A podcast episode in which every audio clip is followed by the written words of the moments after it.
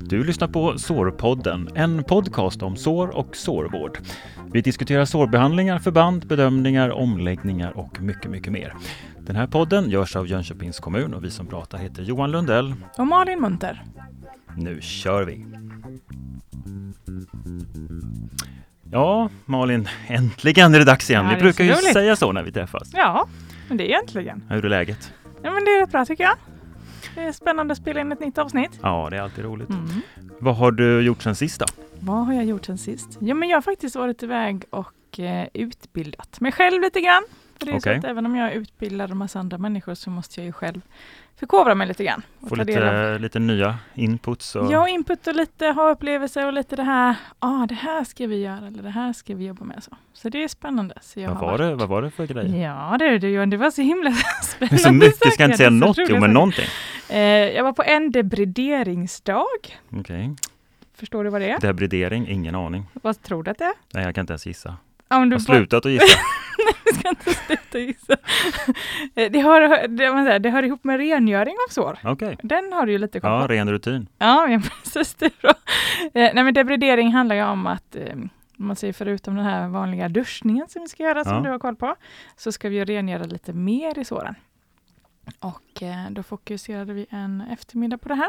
Mm. Är Jättespännande. det teoretiskt? Man sitter i en skollokal, liksom en sån Ja, det kan man säga, men även lite patientfall Ja. eh, togs upp. Och det var ju många duktiga människor som var med på de här eh, föreläsningarna. Till exempel Kristina Lindholm som är våran så här, Sveriges sårguru. Mm. Så. Vad, vad roligt. Ehm, och sen är det jättekul att nätverka lite och träffa andra kollegor som är så här sårintresserade också. Ni Så är några stycken som, Ja, vi som några stycken. tycker om detta. Ja. roligt. Så att, eh, det var kul. Ehm, och som sagt, man får lite så här, ja, just lite eh, nytankad energi kring eh, vissa saker och sådär. Och sen så har jag varit även på nutritionsutbildning. Eh, och fått höra på sådana som har forskat lite kring det här med nutrition och sårläkning. Har du träffat några lyssnare då när du har varit ute? Ja, det har jag faktiskt gjort. Ja. Det var lite kul för att på, på den här debrideringsutbildningen så frågade jag faktiskt ehm, hur många som hade lyssnat. Ja. Och det var ju faktiskt en hel del, Kul. men förhoppningsvis ännu fler nu då. Ja. Så att, ja, ja, roligt. jobb. Så det är ungefär det jag har pysslat med. Vad har Ja. du gjort då? Nej, jag har jobbat på. Eh, Det har varit ganska mycket nu sista tiden. November är en sån... Ja, men det är, det är ju liksom nu när vi spelar in det här så är det ju Mm. årets mörkaste månad säger ju en Mm. del. Eh, Jag lättade upp det lite privat genom att springa ett långt lopp här för någon helg sedan. Gött. Fick du några skavsår? Ja, Jag fick inte skavs, men jag fick lite ont på ovansidan av foten där. Alltså. Okej. Men det är inget sår. Nej, det är en annan podd. Nej, men det var sex, sex timmars lopp heter det, så det har jag aldrig gjort förut. Jag har inte bestämt mig än om jag ska göra om det. Okej. Vi får se. Vi får se vad det Framtiden får utvisa. Nej, men eh, då kör vi väl igång lite med det vi ska prata om idag då. Ja.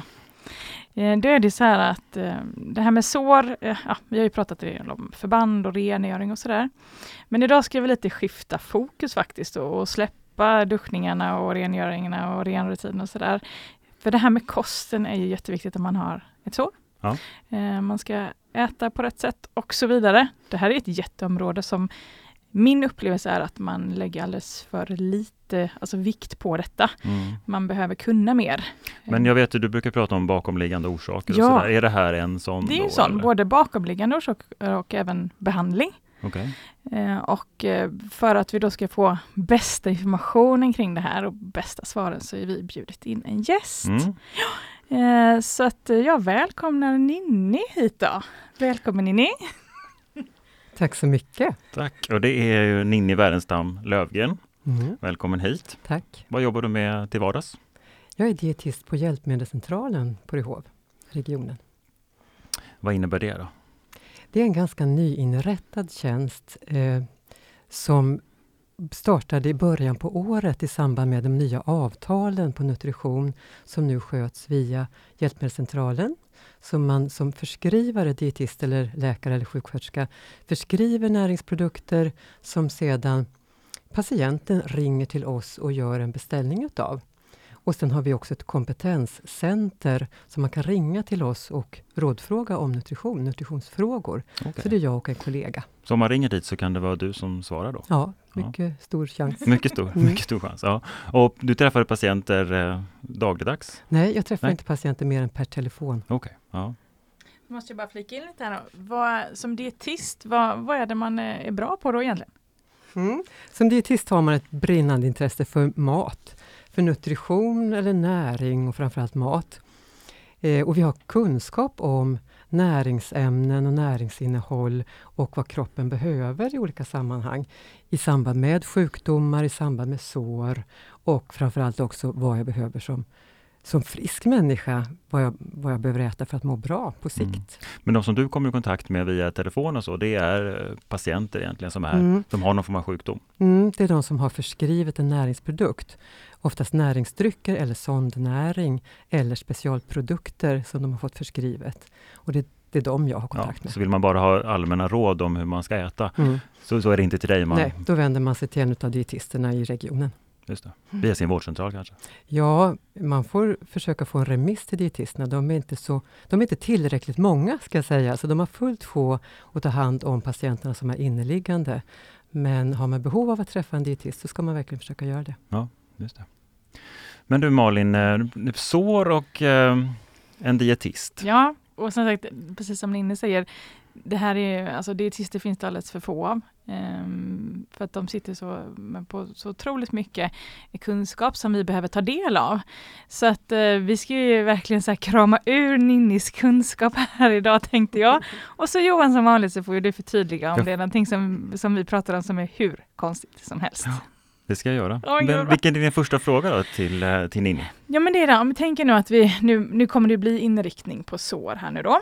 Um, om nu en patient har ett trycksår och man kanske pratar om näringsbrist, vad, vad, liksom, vad, vad, är, vad är näringsbrist? Hur, hur ska vi kunna veta om någon har det? Hur, hur går vi tillväga? Mm. Ska vi, får vi börja med grunden? Det får vi jättegärna. Uh, för, för annars så kommer vi pang på ja. och vi, må, vi måste jag tror vi måste börja med bakgrunden, vad det handlar om när det gäller näring och näringsämnen och våra behov och framförallt vad kroppen behöver och består utav. För Kör det, på ni. Ja, det är bra, tack. Vi, vi börjar från början, det, det, är lika bra. För då har vi, har vi grunden. Det är ju så att näringsämnen är ju grundämnen som både vi består utav och maten, våra livsmedel, består utav.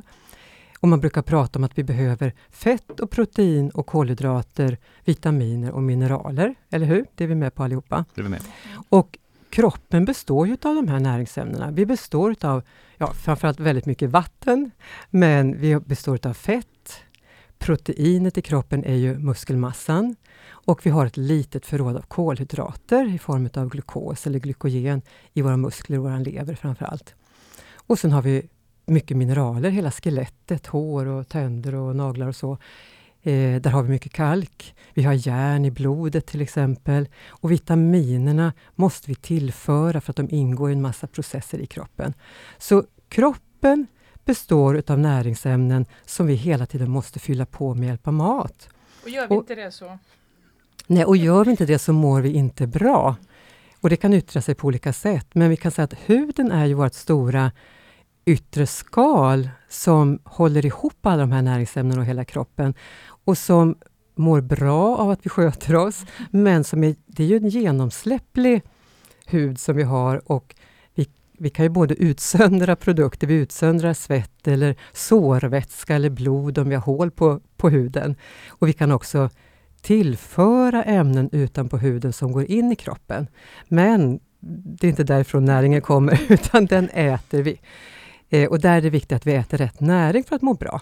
Men att huden blir så viktig i det här sammanhanget, eh, när vi pratar om sår, ja. det är för att här kan då komma in saker mm. via sår till exempel, mm. eller att du kan också tillföra då?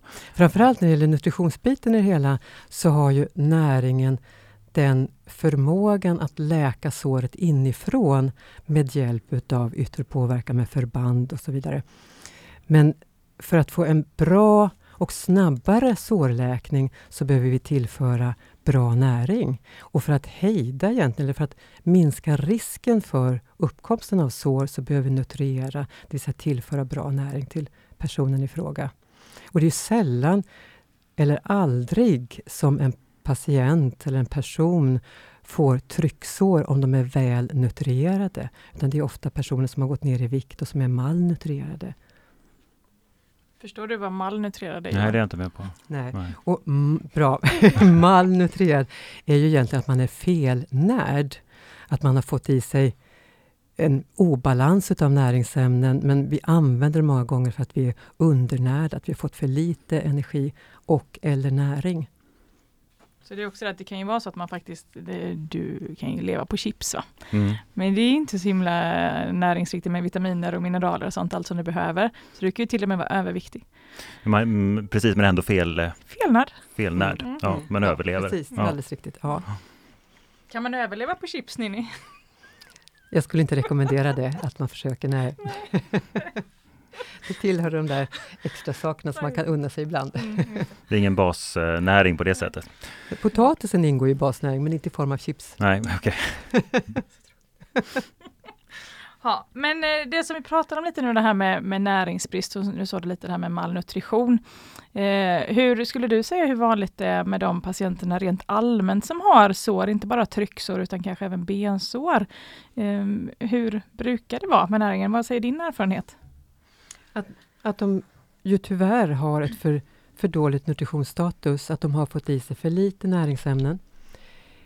Ehm, och egentligen skulle man ha börjat långt tidigare med en bra nutritionsbehandling för att motverka uppkomsten av sår. Och när de väl har fått sina sår så är det oerhört värdefullt och viktigt att man sätter in vad vi kallar nutritionsbehandling med rätt typ och rätt mängd utav näringsämnen som behövs för sårläkningen.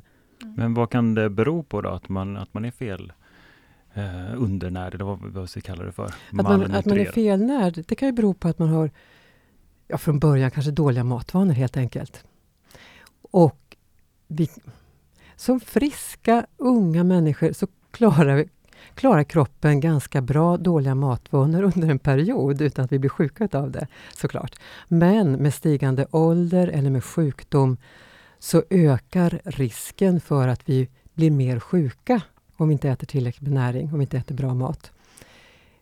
Så för att hejda förloppet eller för att minska risken för att sår uppkommer och se, har man, om vi säger så här, ser vi att vi har en patient som är i risk, det vill säga som äter dåligt eller som äter för lite, så ska man försöka sätta in åtgärder så fort som möjligt och förbättra deras matvanor. Men är det ofta att man inte har, man har tappat hungern eller man har inget sug efter mat eller vad beror Ofta det på? kan det vara beroende på sjukdom. Ja, att man inte kan äta? Att man inte kan äta eller att man är begränsad i sitt matval. Att det har tillkommit någon typ av sjukdom som gör att jag inte kan äta som jag har gjort tidigare. Och att jag inte har kunskap att äta rätt. Det är där dietisterna kommer in och kan göra stor nytta. Ju. Ja. Vi pratade lite om det, eller du, du sa lite innan att vi behöver ju då tillföra vissa ämnen till kroppen eh, som är viktiga. Och du sa ju lite det här med energi. Vad är energi? Mm.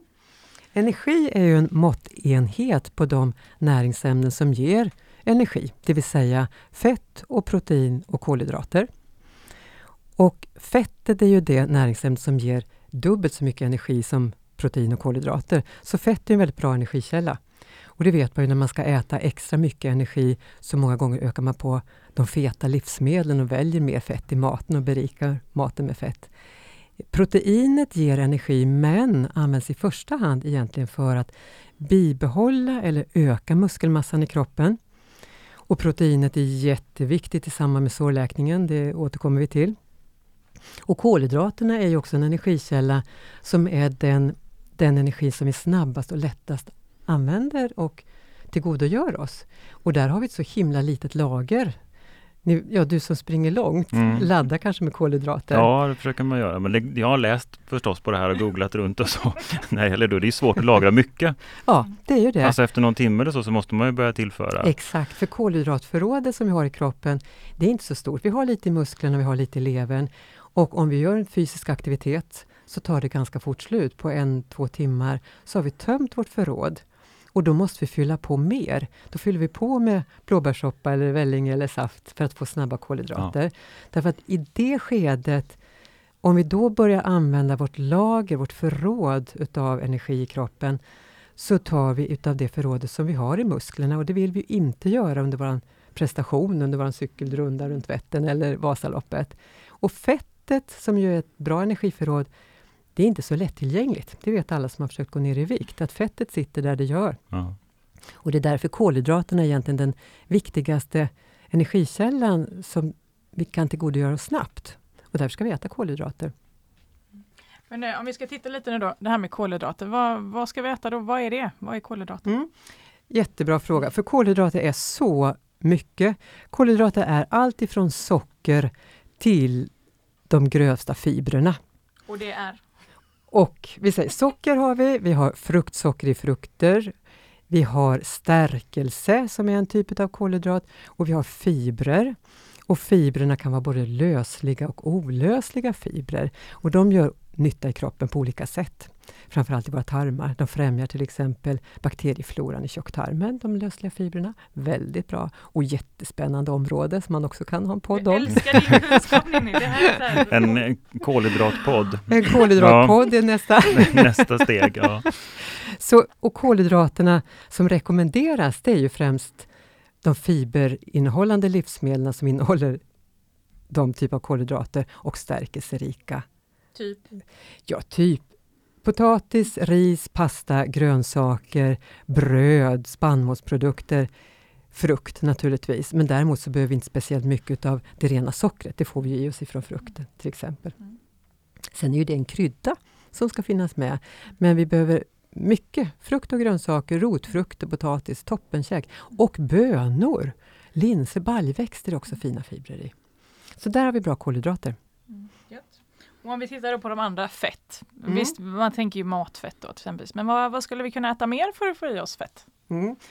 Märker ni att vi hoppar väldigt mycket mellan ämnena här nu? Det blir så här idag. från, allt från sår till maten direkt. Eh, fett är också en väldigt bra energikälla som vi nämnde. Och där finns det olika fettkvaliteter. Där man brukar säga då att det är omättade eller fleromättade fettet som vi har i oljor och margariner och vi har det i feta fiskar och i nötter och mandlar och så vidare. är ett bra fett. Fettet som vi har i animaliska produkter i övrigt, kött, ägg, mjölk, är ett mer mättat, ett hårdare fett, smör. Och eh, det behöver inte lika stor mängd utav. Man försöker i de rekommendationer som finns säga det att vi ska öka andelen utav det mjuka omättade fettet och i så fall kanske hålla igen lite grann på det mättade. Är det för att kroppen lättare tar upp då det mjuka fettet eller? Nej, det har mer med, det har mer med hjärt-kärlsjukdomar att göra. Eh, därför att de näringsrekommendationer som finns, som ligger till grunden egentligen för alla våra bra matvanor, hur, de ska, hur maten ska vara sammansatt, eh, är ju för att man på sikt också ska bibehålla hälsa. Med tanke då på både diabetes, hjärt-kärlsjukdom, övervikt och liknande. Det här är ju väldigt spännande om man tänker på alla de här dieterna som förekommer idag, Mm. typ LCHF och sånt. Men det blir ju en helt annan podd. Men det är väldigt, alltså, det är väldigt spännande, tycker jag. För det, är så, det, är så, det finns inget ämne som det finns otroligt mycket tyckande och tänkande. Det blir liksom nästan som sekter på olika håll. Alltså så, för när man är så stenhård, "Ja, men så här är det och så här måste det vara. Och det är så roligt därför att under mina 30 år som dietist så har det verkligen varierat med åren. Och det har varit trender i olika dieter och man har ätit efter olika märkliga eh, idéer, ska jag säga. Och en del passar det för och en del passar det inte alls för. Och framförallt så finns det sällan någon vetenskaplig grund för de här dieterna, utan det är mycket en känsla och ett tyckande. Eh, där jag absolut inte ställer mig bakom, utan som dietist håller man sig ju efter de nordiska näringsrekommendationerna. i det Ni har någon form av matpratet man har. bas eh, att det här gäller och det är Ja. det vi bygger våra rekommendationer på. Men jag tänker det var ju inte det här brödinstitutet som gick ut för jättelänge sedan, 7 till Nej. 8 skivor bröd om dagen. Mm, till åtta. 6 till 8 Mm. skulle man äta. Mm. Eh, idag skulle det ju inte gå överhuvudtaget och, och eh, säga något sånt. Alltså många betraktar ju bröd som ja, nästan något farligt. Liksom. Ja, och det är ju väldigt synd, som är så gott och man Ja, kan är variera på så mycket sätt. Ja. Jag tror jag hade till och med en t-shirt som barn där det stod ät mer gröt eller något sånt där. Eller hur? Kommer ni ihåg den? Nej, den var inte, nej men Det är länge sedan. Ja, precis. Nej men det är roligt att se hur det varierar och, och potatis är också en sån grej som nu har liksom Mm. varit lite sådär Mm. att man, det ska man Tyvärr, som har undvika. fått klä skott. Ja. Ja. Ehm, om vi nu, som sagt, nu, nu blir det, nu hoppar vi lite då för vi ska komma Mm. framåt. Och som sagt, jag skulle kunna stå och prata med dig en vecka inne, men nu, nu har vi inte riktigt tid med det. Men om vi hoppar över till protein då. Mm. Vad är det och hur får vi i oss det? Ja, protein är ju toppen. Protein behövs för våra muskler Mm. i kroppen. Och protein finns i kött och fisk och ägg och ost och mjölkprodukter och i baljväxter, det vegetabiliska proteinet.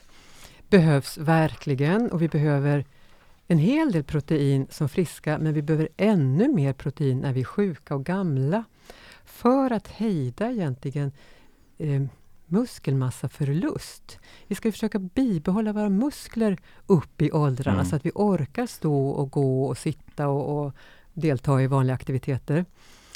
Och när vi i unga år tränar och bygger muskler så ökar vi vår muskelmassa genom att fysiskt använda våra muskler och tillföra tillräckligt mycket protein.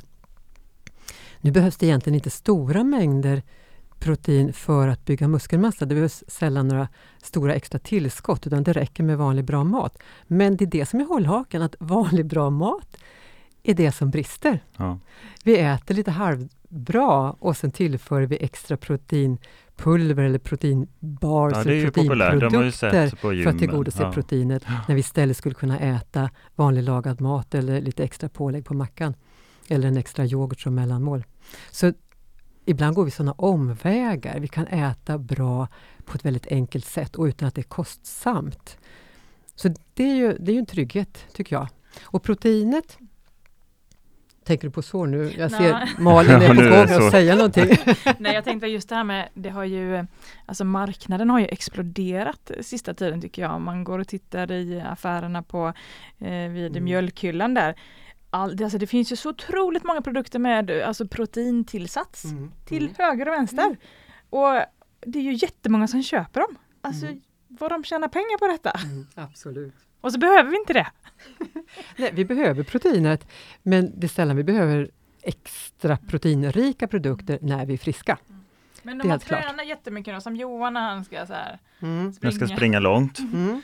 Då behöver du protein Efteråt? Eller? Mellan, mellan loppen, tänkte jag säga, mellan träningspassen ja. och efter såklart.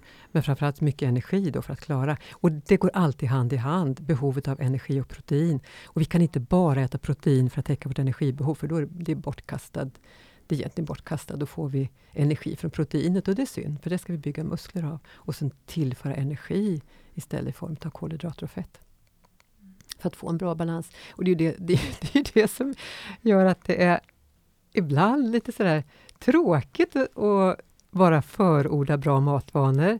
För det, det är ju ingen hit att säga att men ät en vanlig måltid med ris eller pasta och kött och fisk och grönsaker. Vad, vad vill man höra då?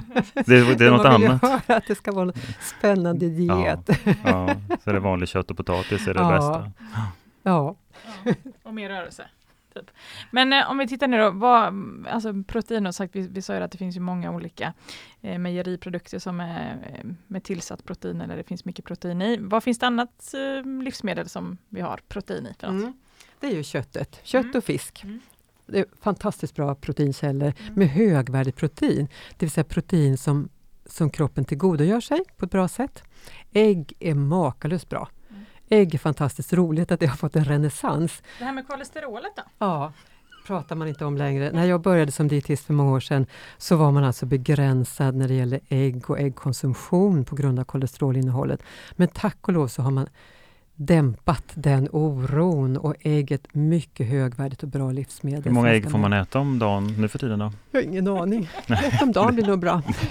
det är i alla fall ingen fara att äta ett eller Om du skulle äta flera två. kilo per år, då är inte det så hälsosamt. Nej, ingenting. Ingenting är bra ensidigt. Det finns egentligen inget livsmedel som är fullvärdigt och täcker alltihopa. Eh, ägg och mjölk hör väl till de mest kompletta livsmedel som innehåller det allra mesta, men inte ens de är helt fulltäck eller eh, innehåller allting Nej. som man behöver. Men om man inte äter kött då, eller, eller ägg? Och... Så kanske man äter fisk. Och är man vegetarian så äter man många gånger baljväxter, ärtor, ja. bönor, linser. Mycket rotfrukter. Och det finns samma typ av protein som man, som man behöver?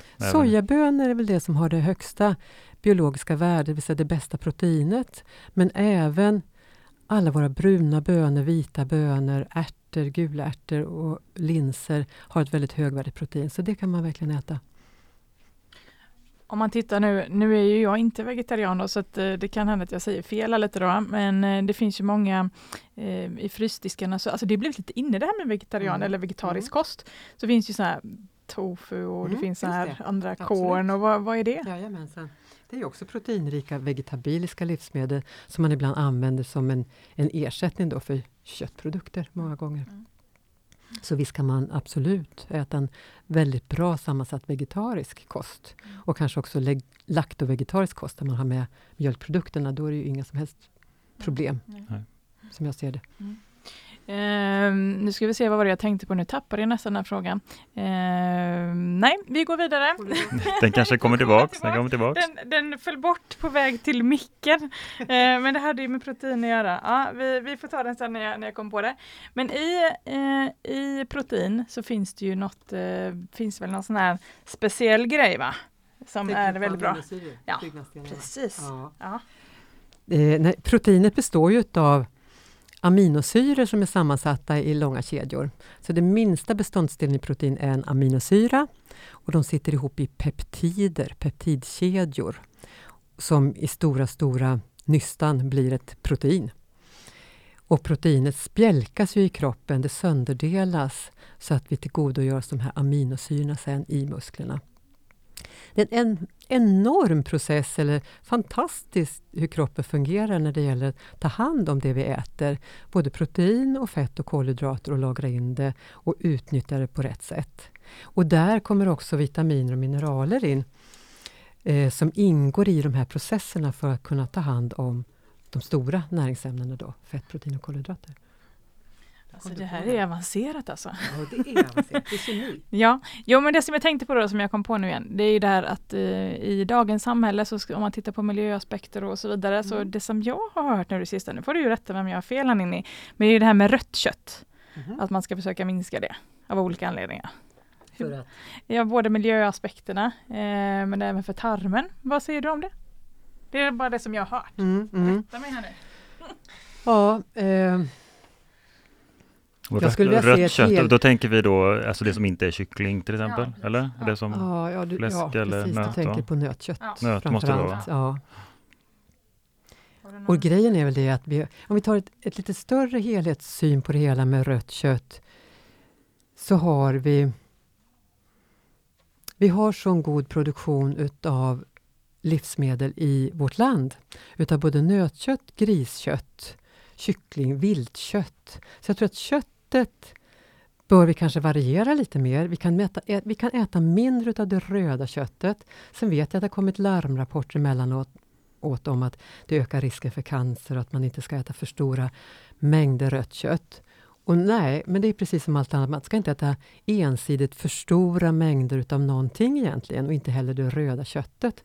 Men ät gärna rött kött, kanske i mindre portioner och variera det i större utsträckning med andra köttslag och med fisk och annan mat. Och, och mer vegetarisk mat. Och det, jag tänkte faktiskt på den det flög genom mitt huvud när jag pratade eller sa sojabönor därför att vi har så otroligt mycket fina ärtor och bönor som vi också själva eh, odlar i Sverige. Och jag tycker närproducerat i den mån det finns är väldigt värdefullt. Att vi kan hitta mat som är odlat här och inte har flugit över halva världen för att komma hit. Så det, det, är en så stor, det är en så stor fråga och så mycket att ha i tankarna för att få, få både rätt mat i sig och rätt livsmedel, men också tänka på miljön. Så det är inte lätt Nej. alla gånger. Och det är väl också en av de här trenderna då som man har sett att, att vissa saker blir mer eller mindre populära av olika anledningar. Så att, eh, det Men kanske det är egentligen, ska om vi säger sammanfattning på, ja, väldigt, alltså, ja, det blir väl lite konstigt här, men varierat är bra. Ja, alltid. Och det, det är där vi hamnar. Mm, ja, vad bra.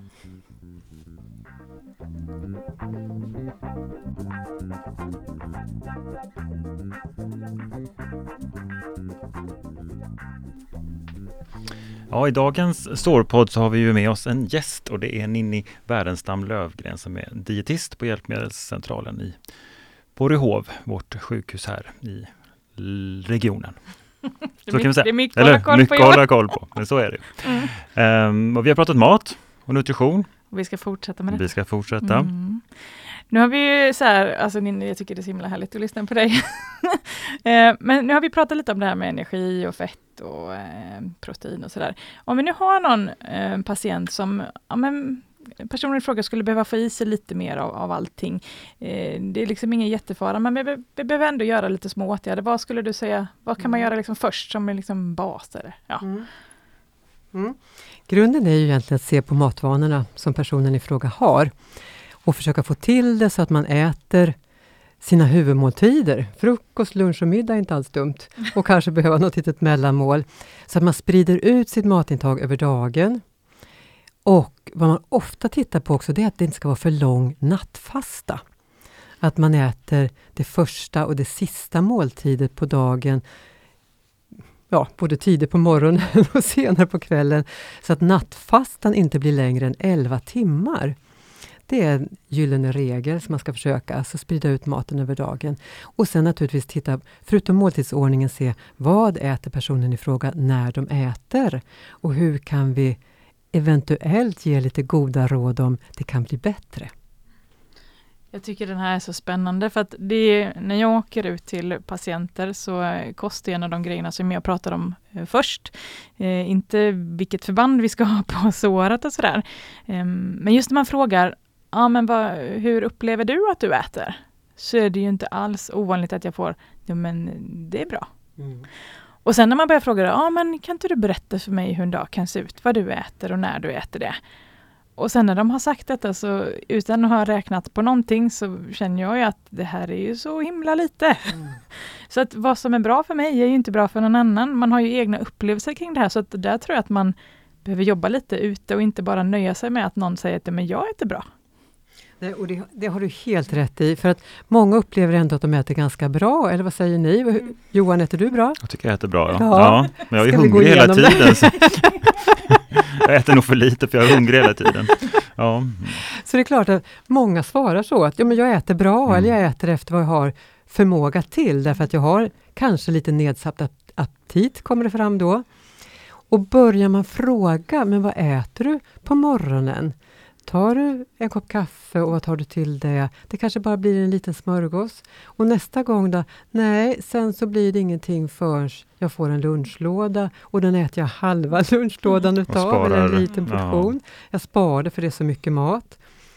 Eh, och sen så glömmer man bort något mellanmål och så äter man i bästa fall någonting litet på kvällen och kanske ja, en liten smörgås eller kopp kaffe i värsta fall.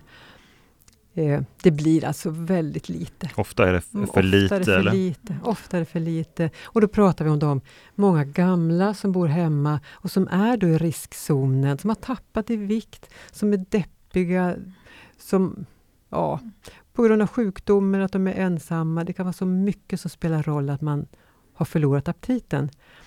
Och det man kan göra då som god vän eller vårdpersonal eller vem som kommer i närheten, det är ju ge lite tips på, men hur kan du piffa upp det hela lite? Hur kan du äta lite bättre och äta lite mer? Och hur kan jag komma ihåg att ta en liten extra macka?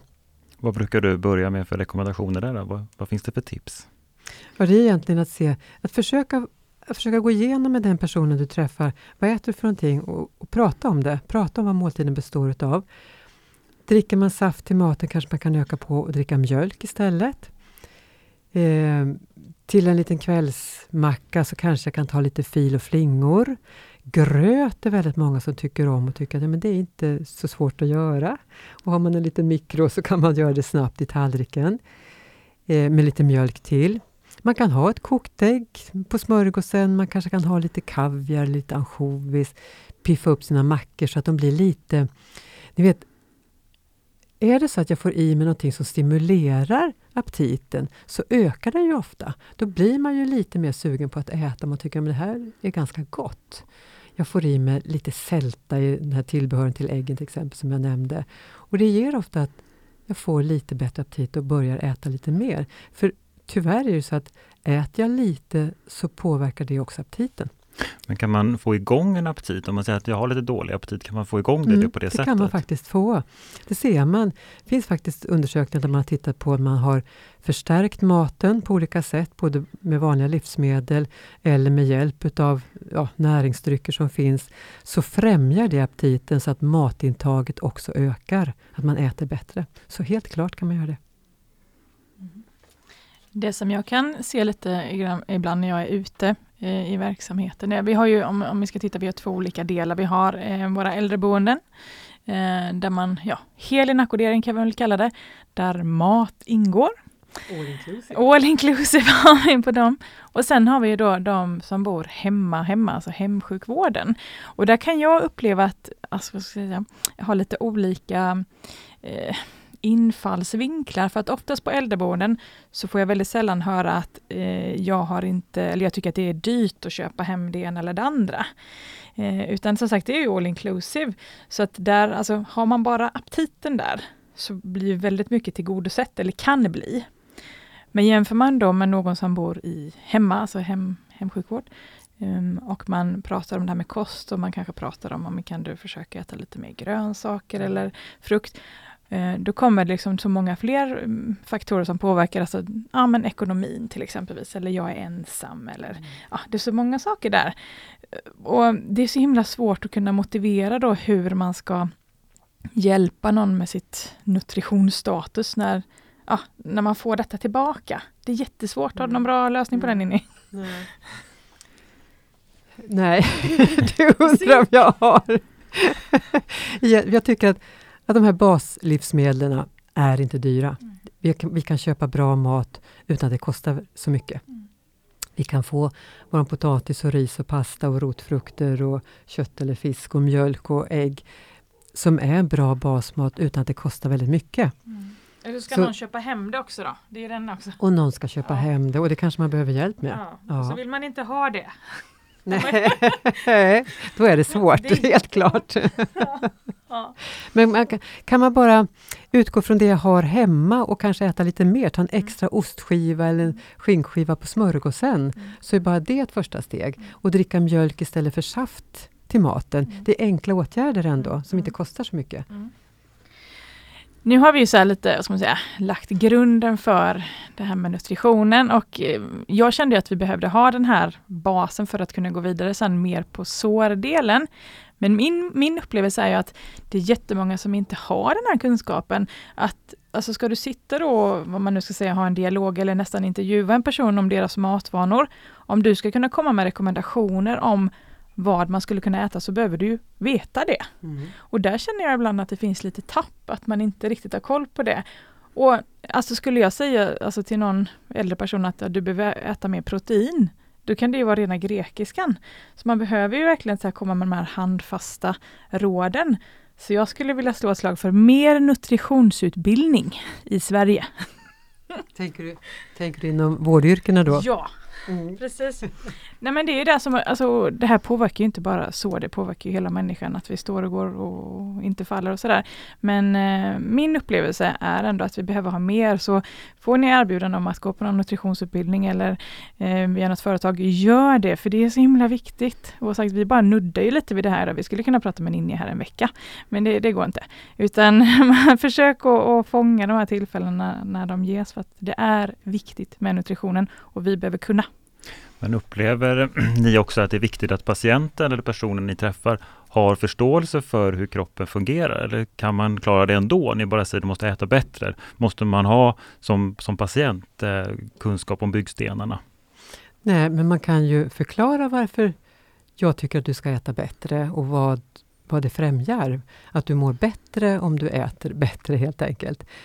Eh, utan egentligen gå in på så mycket detaljer. Och jag känner nu under vårt prat, vi har ju en massa bollar som vi kastar upp i luften och, och försöker fånga på olika sätt. Därför att det är ett så stort område och det är så himla värdefullt att ha ändå en grund att stå på. Lite grann veta vad det handlar om. Att näringsämnena behövs, de finns i maten. Vi behöver dem för att kroppen består utav det. Och för att vi ska fungera bra och vi ska reparera oss på bästa sätt och klar, liksom minska risken för infektioner och sår och annat, så bör vi äta bra. Och vad är det då? Ja, det är det vi har pratat om. Men vi har vi, som sagt, eh, gått igenom mm. det basala, grunderna i, i nutrition och vad vi ska äta. Och det finns säkert en hel del frågor som har dykt upp och vi hoppas kunna knyta ihop säcken lite i nästa avsnitt. Ja men precis, vi fortsätter med Ninni här lite grann. För att nu ska vi sikta in oss mer på sår. Men som sagt, vi var tvungna att ha den här biten först för att det andra ska bli begripligt. Precis. Ja. Och som vanligt med Sårpodden så hittar du eh, oss där du hittar poddar, för ni har ju lyssnat ju på detta på något sätt. Har ni, men gör gärna så att du recenserar vår podd. Eh, sätt, sätt ett betyg eh, och du kan också fråga oss. Ja. Det, det är sårpodden att jonkoping.se om man vill mejla. Vi blir jätteglada. Ja, vi är jätteglada Mm. och eh, så svarar vi på frågorna i kommande avsnitt. Men vi säger helt enkelt tack och hej för idag. Ja, tack och hej! Tack och hej, tack för att jag fick vara med.